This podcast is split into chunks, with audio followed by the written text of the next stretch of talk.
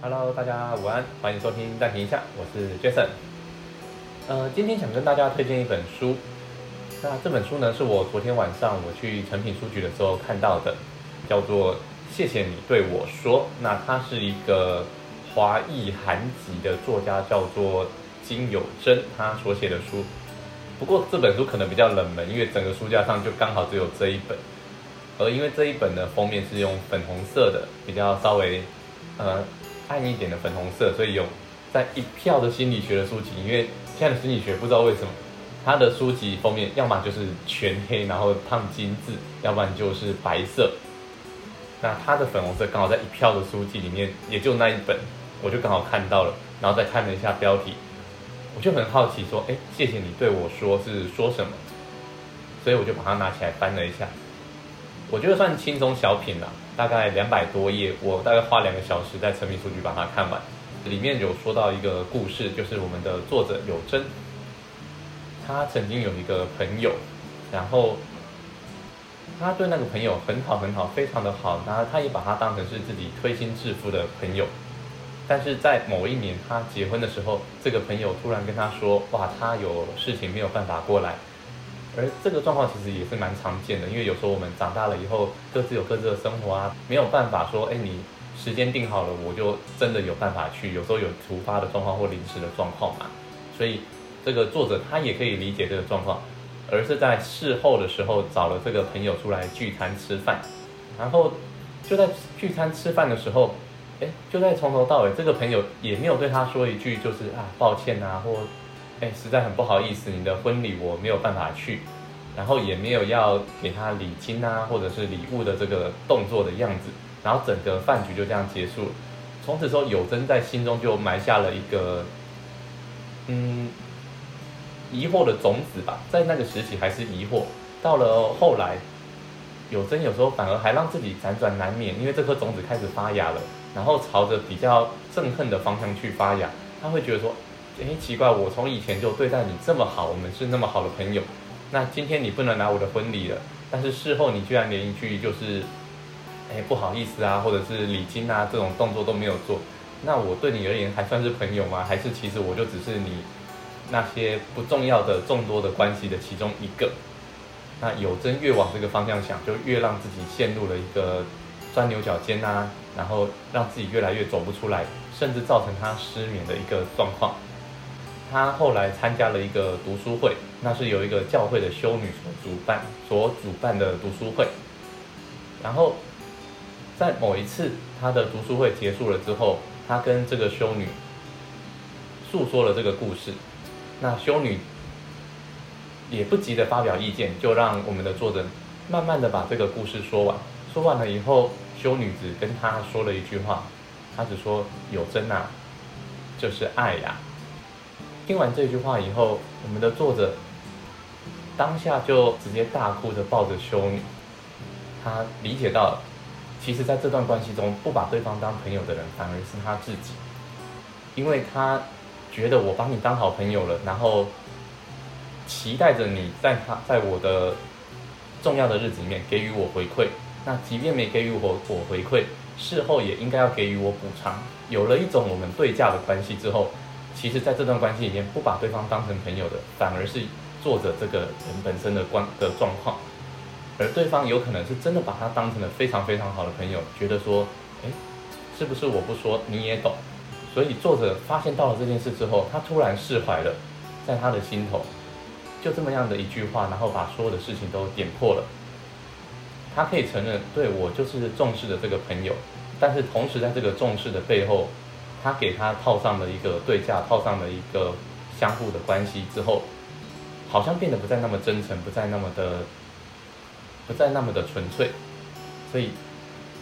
他大哭，他把这些不好的情绪，把这些。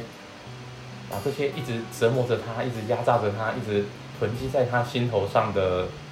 念头，通通都哭出来了。看完这个故事以后，我非常的印象深刻。都过了一天一夜，然后我居然还记得这样的故事，而我也一直觉得很苦恼，说，诶，是不是因为我自己个性上有一点过于孤僻啊，或者是我太看重于自己的领域，所以有时候也会试着去假装说，啊，我这个人很好，我的家完全完全不锁门，随时欢迎你进来。但是当别人真的很随意、真的很直接的进入到我的领域的时候，我又会觉得极端的不舒服，想要逃开，想要逃离这样子的状况。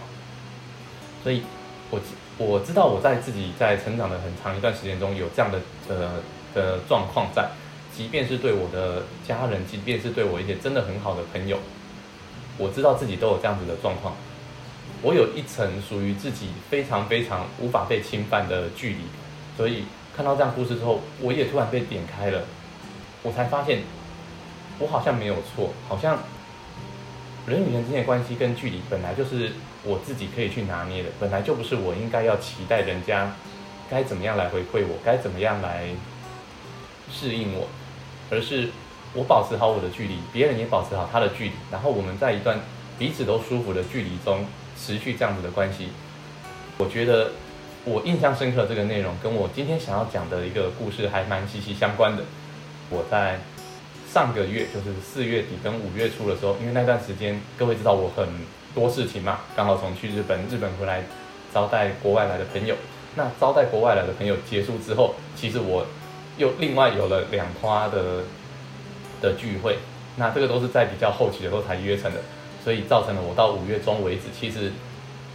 处于一个呃。南来北往到处奔跑的状况。接在我招待完朋友，送他们去高铁站搭车之后，其实到隔天，那时候我人在台南嘛，隔天我刚好又有一个学妹，她是从北部下来的，那她准备要去高雄，只是途中会经过台南，就顺道问我在不在，刚好我也在，我们就约了一顿午餐。那我很感谢她啦，就是她要去高雄的的时候，还记得说，哎。我有个学长人在台南，我跟他约约看能不能约，可以约的话，我们见个面聊聊天。而在聊天的过程中，我知道说啊，原来他们是有一个活动，所以他们相约在高雄要去进行活动。我就想说啊，既然你们几个人都在，那晚上我也跑一趟高雄好了。这个是比较临时约的。而在而在这件事情之前，其实已经我们约好了一个台中的聚餐，原本只是说我跟。两三位大学的同学，我们约好说，哎，我有空去台中一趟，那我们就约吃个饭吧。原本只是三四个同学，后来我们说了一句啊，不然就都约约看，大家知道彼此有在中部，或者是说可能那天有空的，我们就都问问看。然后我们就这样三四个人这样一问，问完以后，原本预计最多会到十四、十五个人的这个聚餐，但是当然当天还是会有一些朋友会有一些临时的状况。最后那一天，其实我们就总共十个人在台中。办了一场小型的同学会，我对于其他人的状况反而是最不清楚的那一个，因为到了现场，大家一聊天，这样一聊下来才发现说，哎，怎么原来原来你现在就原本在高雄工作的，跑到台中工作了，然后原本可能在 A 产业的变到 B 产业了，然后都已经过了半年多，我才知道这件事情，就只能说谢谢他们包涵了，因为我这半年来，甚至是说这两三年。的这个期间，因为疫情的关系，我自己在旅行社嘛，那因为疫情影响蛮严重的，我自己也有一点意志消沉，所以我对别人变得相对的漠不关心，或者说我不知道该拿什么样的脸去面对我的朋友、我的同学们，因为当他们可能在聊说哇自己的工作上如何如何，上司多么的机车，客户多么的烦，或者是说。又承接了怎么样的专案，然后要做怎么样的事情的时候，我觉得我好像插不上嘴，我觉得我好像是被丢下的那一个人一样。所以渐渐的，我在这两三年的期间，其实不太愿意出来跟人家互动，因为即便跟人家互动，我也只能够用一些伪装的方式，让自己有好像比较有头有脸的立足的感觉吧。所以我自己觉得这样的自己好虚伪，然后就很不愿意的出来跟人家社交，不愿意出来跟人家互动。这样子过了两年多、三年多，然后到今天，我真的走出来跟大家去社交，大家去互动，说：“哎，我突然又有一种好熟悉、好怀念的感觉。”不是说大家都没有烦恼了，而是说我们都还是在彼此的生活中有各自的烦恼，有各自的课题要去处理、要去解决。可是就在当下的这个时刻，我们就是回到了十年前嘛，还在大学生的时候。大家眼睛闪闪发亮啊，然后聊着未来啊，或者是聊着当下无关痛痒、好像浪费生命的话题，或者是很浮夸的话语。所以，我想到那个话，想到现在想到那一当时的那一个餐会之后，还是觉得很怀念，还是觉得哇，十几年来，然后大家可以维持这样的感情。然后昨天看到了那篇文章之后，瞬间两者连接了起来。我觉得一段让我舒服的关系，其实就只是这样而已。我不需求人家的东西，人家也不会需求我的东西。但是当我们彼此见面的时候，我们期待的呢，只是当下相聚的那一个时光。恰恰呢，正是我觉得最舒服，然后最棒的一个时刻。